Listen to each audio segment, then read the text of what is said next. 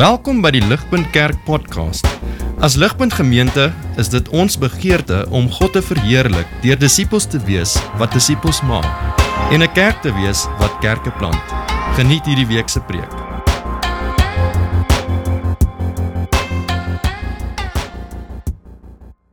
Those of you uh, who know me and anyone who, who knows me will tell you that I have a very sweet tooth.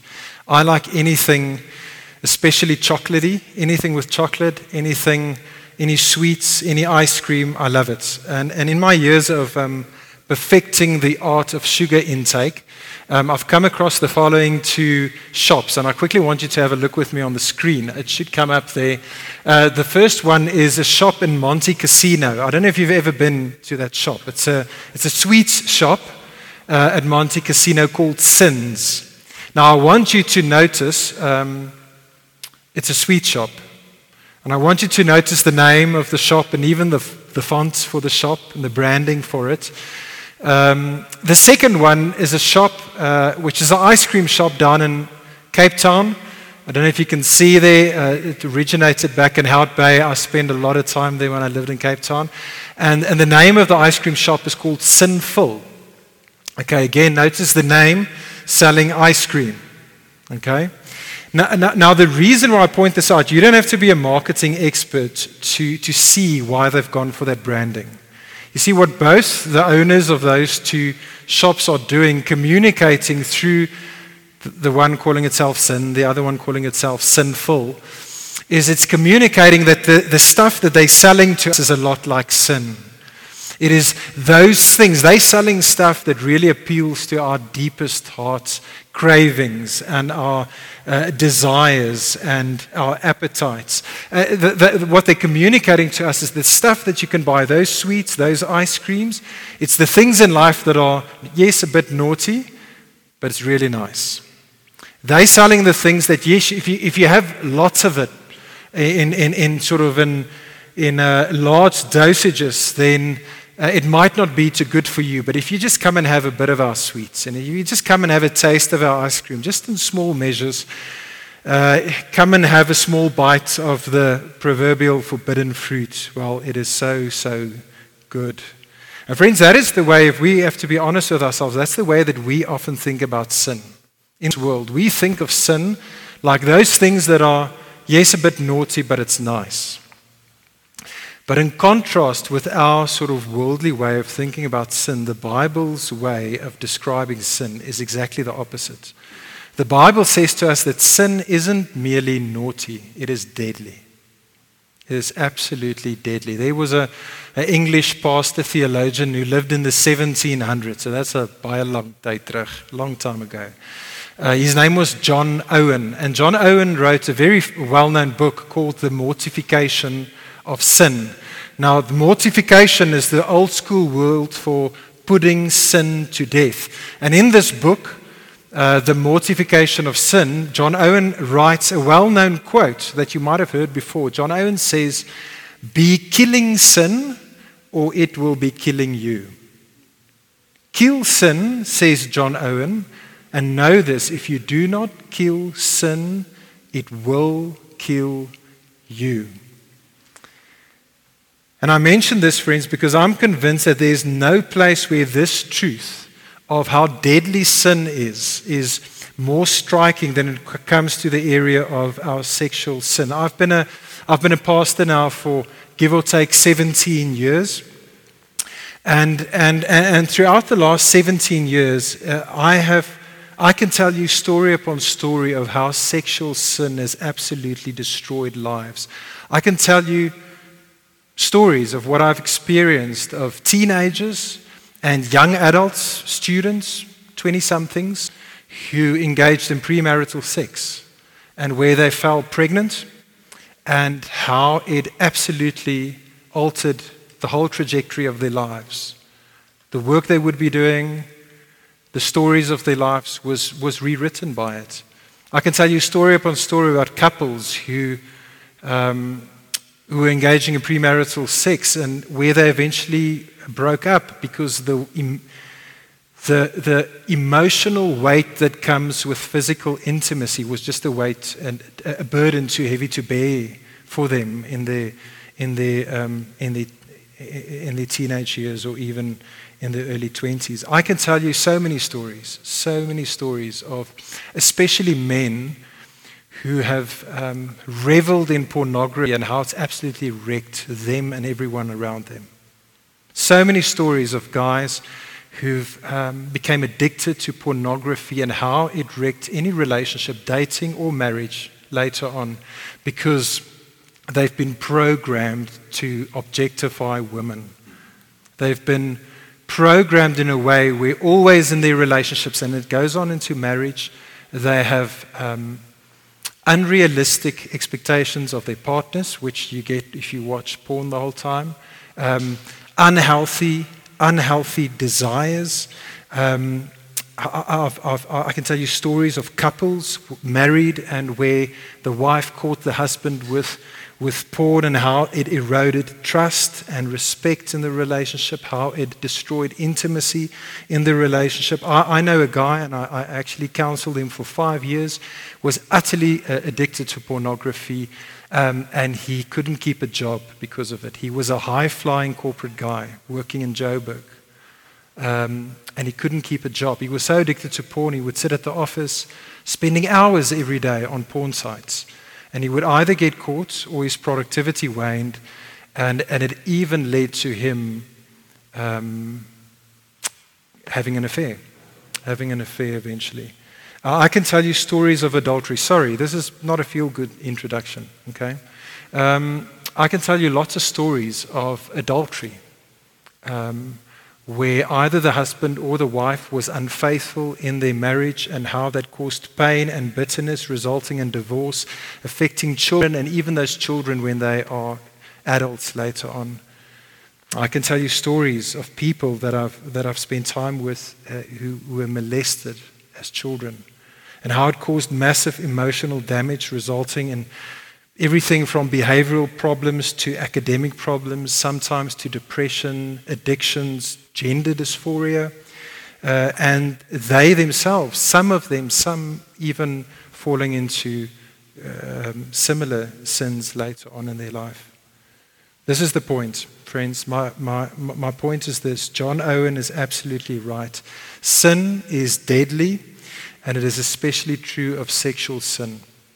If we won't kill sin, it will kill us. Sexual sin will kill us, and it will kill you physically, it can kill you emotionally, it can kill you relationally, and it will kill you eventually spiritually. And so, this is the question that I want us to consider tonight. I want us to consider how does one kill sexual sin? How do you kill it before it kills you? And that is what I want us to see in that passage. And so please keep your Bible or your phone. I don't know uh, which one you have there, but please keep that passage open. I want us to see it in the passage this evening. And have a look there, right at the very last verse that was written for us. Colossians chapter 3, verse 5. It comes to us in the form of a command. And I want us to notice it there. Did you notice there? Paul uh, speaks to the Christians in Colossae and he says, Put to death, therefore, what is earthly in you, namely, and then he lists a number of sexual sins sexual immorality, impurity, passion, and evil desire. And so Paul uses really the same language, or should I say, John Owen uh, used Paul's language, and he uses this language of killing sin. Put it to death, says Paul. And, and, and do you notice there, the very important word there in verse 5 is the word therefore. In other words, it tells us that what has preceded verse 5, the command, gives us the reasons why we should put sexual sin to death and why we can.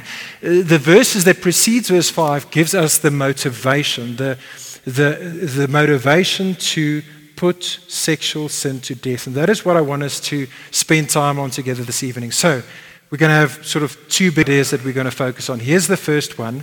And have a look there at the passage. I want us to first spend time then Colossians 2, verse 20 to 23. And this is how not How not to try and put sexual sin to death. Okay, and that's what I want us, want us to focus on first. How not to try and put sexual sin to death. So, just a bit of context again. I'm sure you've heard this before in your series. But so, Paul is writing this letter to the church in Colossae. Okay? Colossae was a town in modern day Turkey. And Paul is writing this letter to this church. It's the church that he loves dearly. It's very obvious as you read the letter that he loves them. But, but Paul is concerned for the Christians in this little church in Colossae because there's a number of false teachers that have arisen in their midst. And what the false teachers in Colossae have been saying to the Christians there is they've been saying to them, listen here, guys, everything that you've heard about Jesus, from Epaphras, your pastor who heard it from Paul, everything that you've heard about Jesus is great. It's amazing. Jesus is wonderful. He's brilliant. Let's, let's, let's sing worship songs to the Lord Jesus. But if you really, really, really want to experience the fullness of God, if you want to go like next level Christian, uh, true spirituality, then yes, yes, yes, keep your Jesus stuff, but there's also these other rules and regulations, these other, these other Christian do's and don'ts and traditions, these other things that you need to also do and there are these other spiritual experiences that you need to partake in. And if you do these things, and if you experience those things, well, then, then you will have the fullness of God.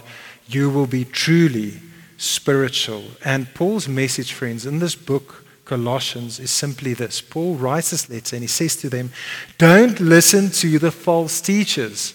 True Christianity is all about Jesus. Colossians 1, verse 15 to 23. You guys had a look at this.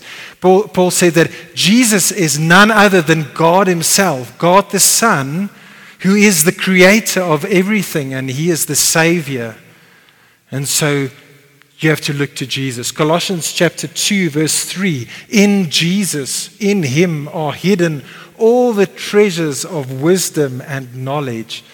Colossians 2, verse 9. In Him, in Jesus the whole fullness of deity dwells bodily. I mean, just stop there for a moment. It is crazy if it isn't true, and it's true.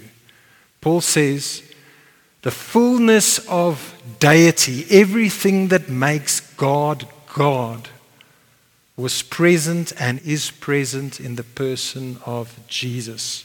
And so, here's the message of the book don't follow the false teachers. Because moving away from Jesus, says Paul, is spiritual suicide. Don't do it. It's not worth it. Stick to Jesus. But then we come to our passage, Colossians 2 20 to 23, in this particular section that we're looking at tonight, where Paul now gives to the church in Colossae a further reason why they shouldn't listen to the false teachers. And this is quite a pragmatic uh, argument. Paul says to them now, don't listen to the false teachers for the simple reason what they are selling you does not work. What they are proposing just does not work. And I want us to see that. Have a look there with me, verse 20. Paul uh, refers here to the false teachers, and you see there, he refers to their false teaching as worldly regulations verse 20. He says to the Christians in Colossae, Why do you submit to those regulations? These regulations, like do not handle, do not taste, do not touch. Submitting to these rules, says Paul there, is foolish. The reason being that it will all perish because it's simply human precepts, human teaching. Yes, says Paul, and this is always the case with false teaching, it sounds very, very spiritual, says Paul. Verse 23 uh, because it is all into asceticism. Asceticism is telling you, listen, do not handle, do not taste, do not touch. Just, just keep yourself from a bunch of things. And, um, and, and, and, and it comes with so much sacrifice, it comes with so much discipline. And so it looks so spiritual. But Paul says here, don't listen to man made do's and don'ts. Why? Have a look there, end of verse 23. It has no value in restraining the indulgence of the flesh. It has no value, says Paul, to actually overpower the deep desires of our sinful flesh within us. It, it just can't, it can't do the job. You might be familiar with Genesis chapter 4, where God has this powerful, scary uh, interaction with Cain. Cain wants to kill his brother Abel, and, and God, Genesis 4, verse 7, uh, tells Cain and warns Cain and says to him, Sin is crouching at your door, but you must master it. Okay, so God uses the analogy of a wild animal, of a wild beast, to depict sin. And it's something that God gives Cain the responsibility and says to him, You have to master it. And I think this image of thinking of sin, and specifically sexual sin, to think of it like you do of a wild animal, a wild beast, I think is a helpful analogy. Because I think that is what we often do when it comes to our fights against sexual sin. You see, what we do is we know there's this beast within, and so we want to contain it. And we build our little fences of do's and don'ts, of do not handle, do not taste, do not touch, to try and contain this wild beast. But what happens when you contain a wild animal?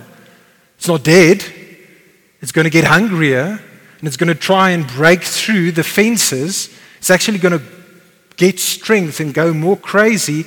And then when it eventually breaks forth through the fence, then it goes ballistic. Then it wreaks havoc. And friends, that is the way it is whenever you and I fight sexual sin by means of our man made do's and don'ts. We haven't killed. We haven't killed the beast within. And so what happens is maybe you you, you, can, you, you, you can restrain the beast for 24 hours or maybe a week. If you're like really vigilant, you can do it for a month. But actually, it gets hungrier and hungrier and stronger. And eventually, then, when your rules don't make the cut anymore and your fleshly desires break forth, then it wreaks often way more havoc than it would have done in the first place. I think a real life example of this is what we often, and I hate to, I'm not trying to badmouth anyone, but this is unfortunately, I think, an example of this is what you see in Catholicism with Catholic priests. I mean, it is, there's a disproportionate number of Catholic priests who have molested young boys in at least, let's say, the last century. A disproportionate number of that. We have to ask ourselves why I think the reason is, is because in Catholicism it says that male priests can't marry, even though 1 Timothy 4 says to, to prevent someone from marrying is demonic. And we've got a whole form of Christianity that says men aren't allowed to marry. And then you put them in a life where there's lots of time with young altar boys and then we wonder why we often hear a disproportionate number of this. And, and I think, and it's, a, it's an example of what we have exactly here, that our man made rules, do's and don'ts, looks spiritual, but it hasn't got the ability to kill the beast within. And so, please hear me out tonight. Um, friends, we need to hear this, we need to believe this. Uh, the reality is that all of us, even though I don't know you, all of us struggle with lust.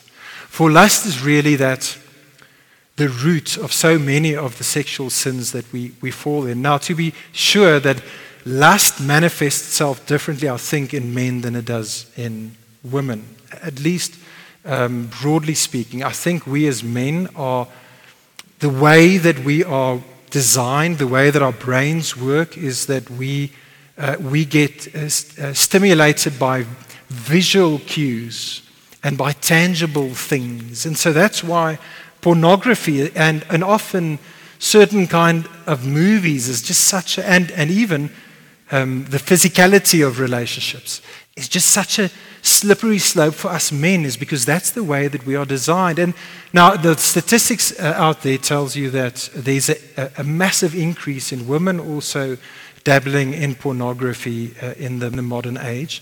But still, I think broadly speaking, female, uh, females often are, are more stimulated by the emotional side. And so that's often what we have in many of these Fifty Shades of Grey kind of books, and, and, and often in the, even in just many of our rom coms that we're watching, you know, depicting the, the, the, the, the knight in the shining armor, the ridder op sy wit. Um, you know, the guy that's just, on the one hand, he's very masculine, but on the other hand, really in touch with his feminine side and very sensitive. He's like a combo between Duane Vermeulen and Nathaniel, mixed into one. You know, it's like the perfect. It's like the perfect guy, you know. And, and, and that's often, that's often the way, that's often the way that, that, that lust um, sort of works differently in men and women. But irrespective of how lust might manifest in you, the end road, friends, is always the same for us all. Have a look at these words in James chapter 1, verse 15. James uh, warns us and says, Desire Desire, when it has conceived, gives birth to sin, and that desire there means lustful desires. Desire, when it has conceived, gives birth to sin, and sin, when it is fully grown, brings forth death. Can I ask you tonight, whoever you might be, do you believe this? Do you believe how deadly sin is and how deadly our lustful thoughts in our hearts might be. Friends, sexual sins aren't, you know, we often, we talk about little pet sins. You know, oh, oh this is my little pet sin. As if it is something cute, something innocent, something that I can domesticate. And that is often how we think of, of sexual sin, my little pet sins. But, friends, they are anything but little pet sins. When they grow up, they always turn into wild beasts and eventually they will bring forth death. They will kill you, and they will wreck your life, and they will wreck everyone around you. Now, I think that most of us do realize the danger of lust, and I think this is precisely where we need to hear um, Paul's warning tonight. Because I think, and this, and this is me often, and this has been me for many years, um, struggling with sexual sin, I think we do exactly what Paul warns against here. Because that is often, sadly to say, even what we sell in the name of Christianity. And so we all sense, male or female, that there's lust, and you know that there's this beast within. You're trying to fight against it, you're trying to contain it. And so we put up our do's and don'ts. You say, okay, I will not watch movies over this age restriction. I won't have internet on my phone. I will never drink a coffee with someone of the opposite sex unless there are other people with me. And so the list of do's and don'ts, we create those things and we put it in place for us. And that's the way that we try and fight against sexual sin. Now, now please hear me on this. All of those things and many other things that we do uh, encourage each other in are good and necessary. And I think that there's, there's, there's good things firewalls and security checks and accountability partners. There's lots of good things that you and I need to put into our lives as we fight the fight against sexual sin.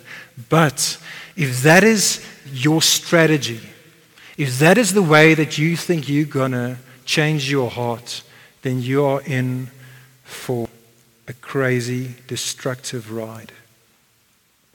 Friends, it can't, that can't be the sum total of our fight. Listen to what John Piper says uh, in his excellent book, um, Future Grace. Uh, in, in, in his book, John Piper says the following He says, If we try to fight the fire of lust with prohibitions and threats alone, even the terrible warnings of Jesus, we will fail. Okay, so that is how not to fight sexual sin. Don't just sort of end up with a bunch of man made do's and don'ts and think that that can change your heart. Let's, let's, um, let's look then, secondly, Colossians 3, verse 1 to 4, how to put sexual sin to death. Okay, so how not to put sexual sin to death. Now we're going to consider how to put sexual sin to death. Verse 1 to 4. Have a look with me. I want to read verse 1 and 2 for us again. Paul says, if then you have been raised, talking to Christians, of course, if you have been raised with Christ, seek the things that are above, where Christ is seated at the right hand of God. Set your minds on things that are above, not on things uh, of this earth. Now, that word there in verse 1, the word seek, is this idea of pursuing something with all of your might. So the NIV translated as set your hearts on things above, center your aims, center your ambitions, your desires on things above. And then in verse 2, he says, not only, don't only set your mind on things above, but also set your heart on things above. And the question is why? What is it about above that I need to set my mind and my heart on things above? Do you see there in verse 1? It is because that is where Christ is seated. Christ is seated above. Have a look at verse 4. And Christ, says Paul to the Christian, is your life. Christ is your life. Let me explain what he means by this. And this might be really helpful. If you're here tonight and you're not a Christian, this might be helpful for you. Please, if you've missed everything else and sexual sin isn't really your thing and you, you don't struggle with it, please hear me on this. Please hear me on this.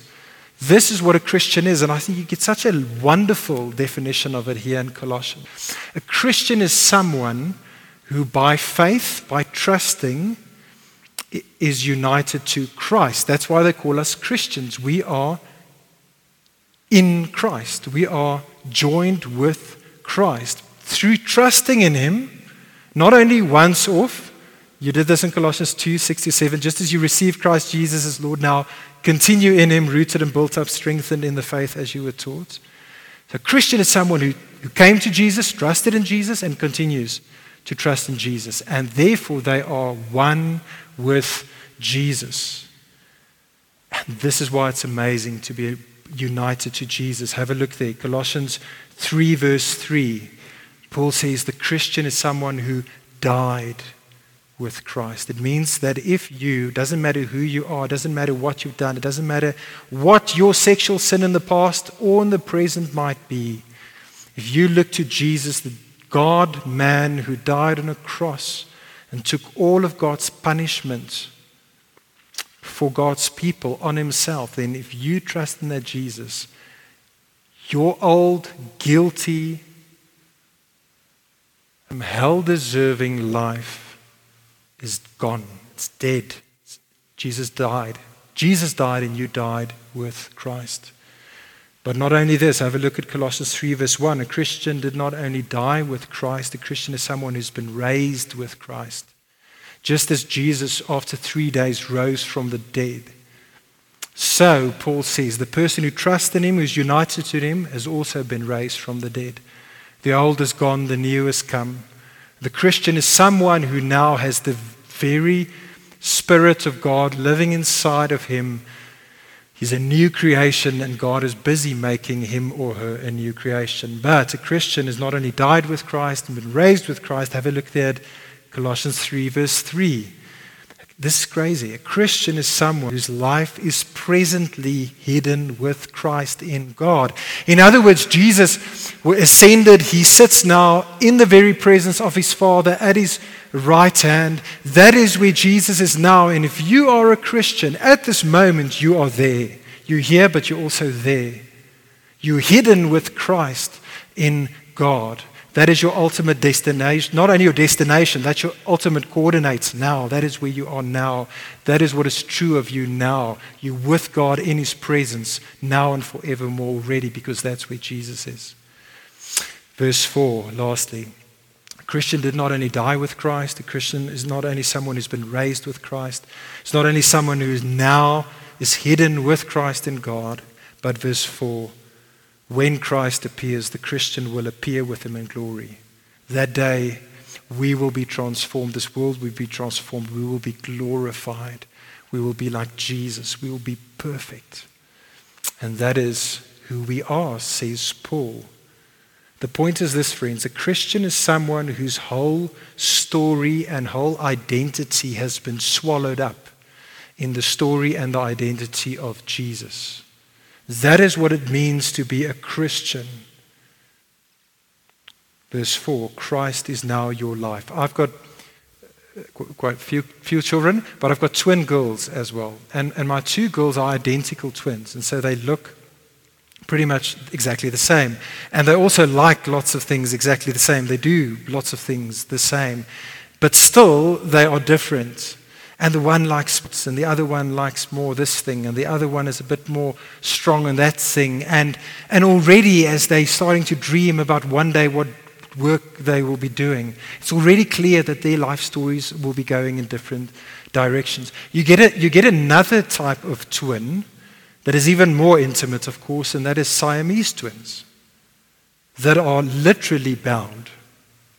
And if you're Siamese twins, whatever is true of the one is, is true of the other. If the one decides to go left, well, the other one is going left. If the one decides to go right, well, the other one is going right. They share everything, they share the same story. And that is the closest illustration I can get to to explain the kind of union, the oneness, the us being united to Jesus that I can come up with. That is, if you're a Christian, that is in Jesus. You are one with Him, and whatever is true of Jesus, His death, His resurrection, His, He's, he's ruling now, and one day your glorification. It's everything bound up in Jesus. And what Paul is telling us here is Paul is saying to you and me, Christian, that is what you need to remember. Set your heart, set your minds always on this reality that Christ is your life. That is the fight. That is the fight. This is the logic then. This is the logic, friends. Don't miss it. Have a look again at the passage. This is the, the logic between verse 1 to 4 and verse 5. Friends, the extent to which you and I are captured by this amazing truth, verse 4, that Christ is our life. That and that alone is the extent to which we will put sexual sin to death, verse 5.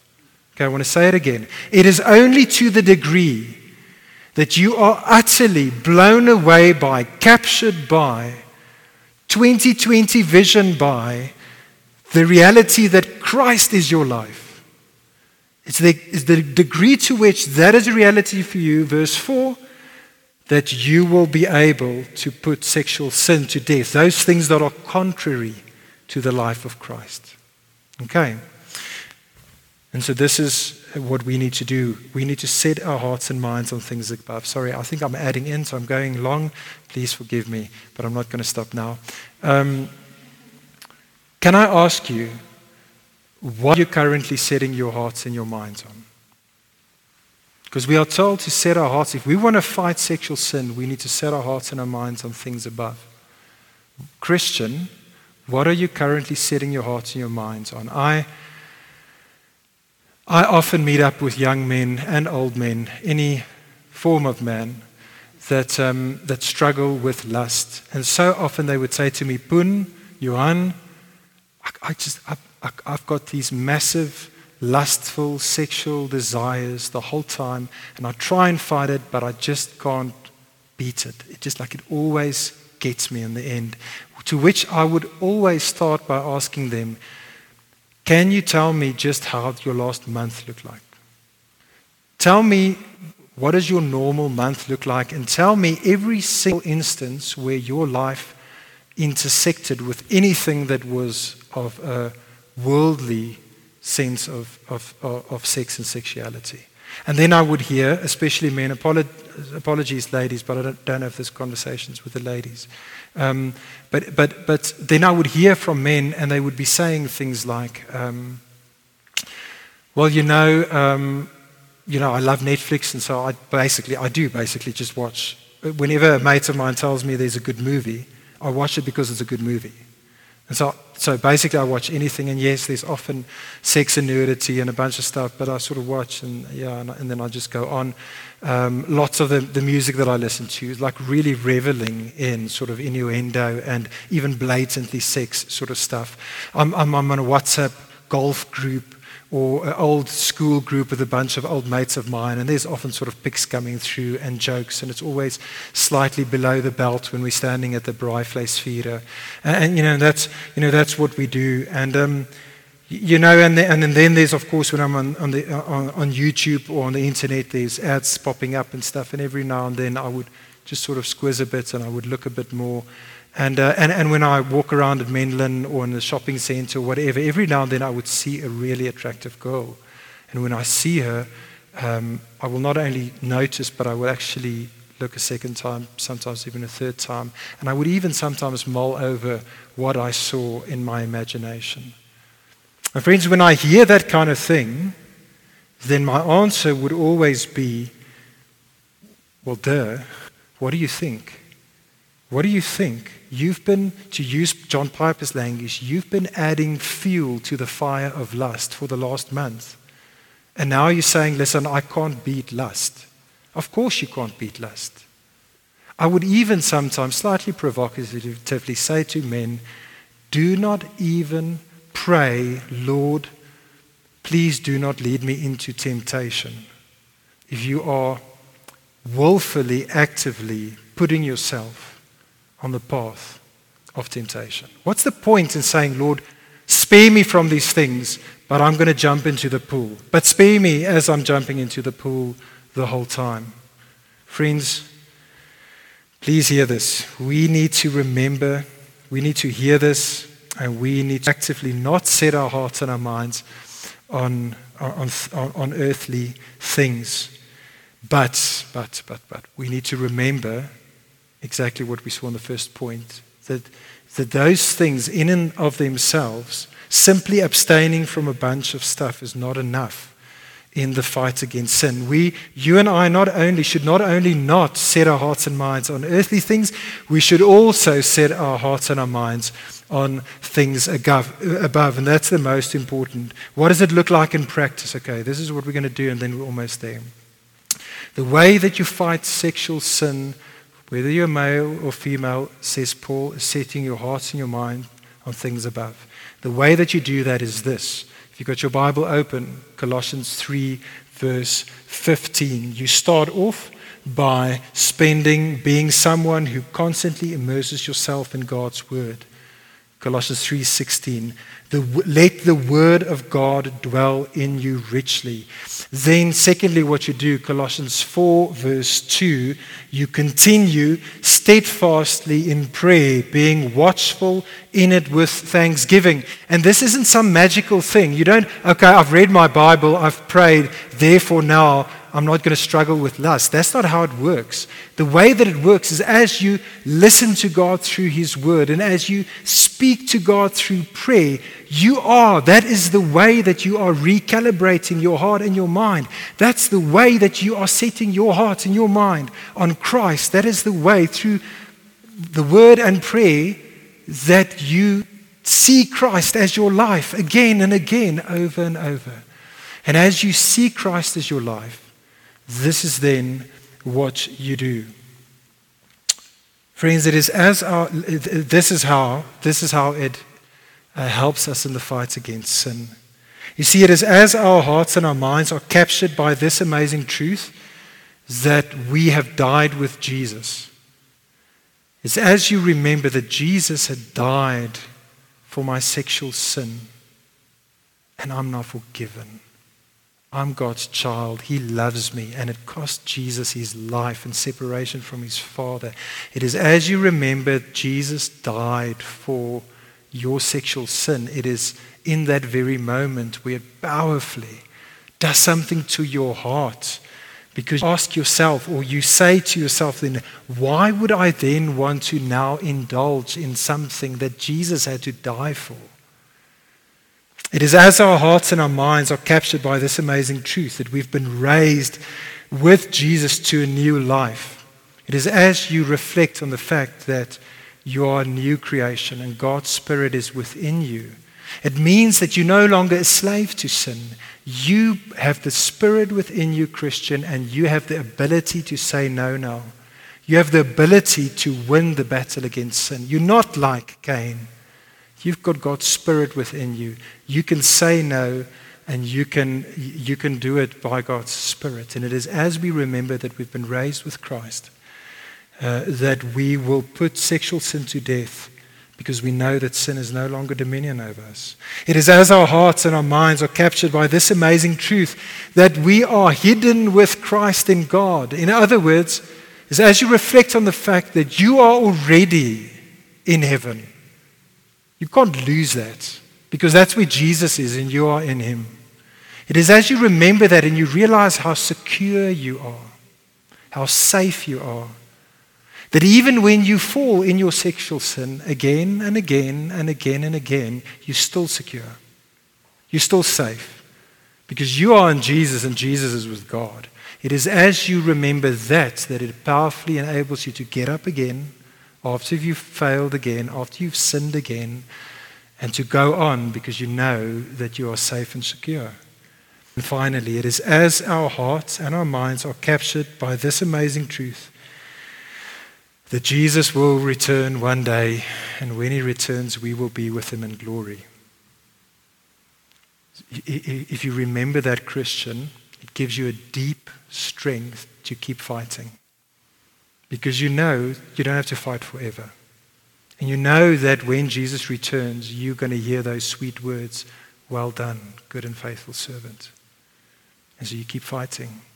Because Jesus is coming back, and then there will be no more sin, no more struggles, no more temptations. And so you can keep fighting. I want to close with a quote, and then we're really done. Um, have a look with me on the, on the screen. It's, uh, it's a quote from a guy by the name of Tim Chester in an excellent book. Get this book, read this book called Captured by a, a Better Vision.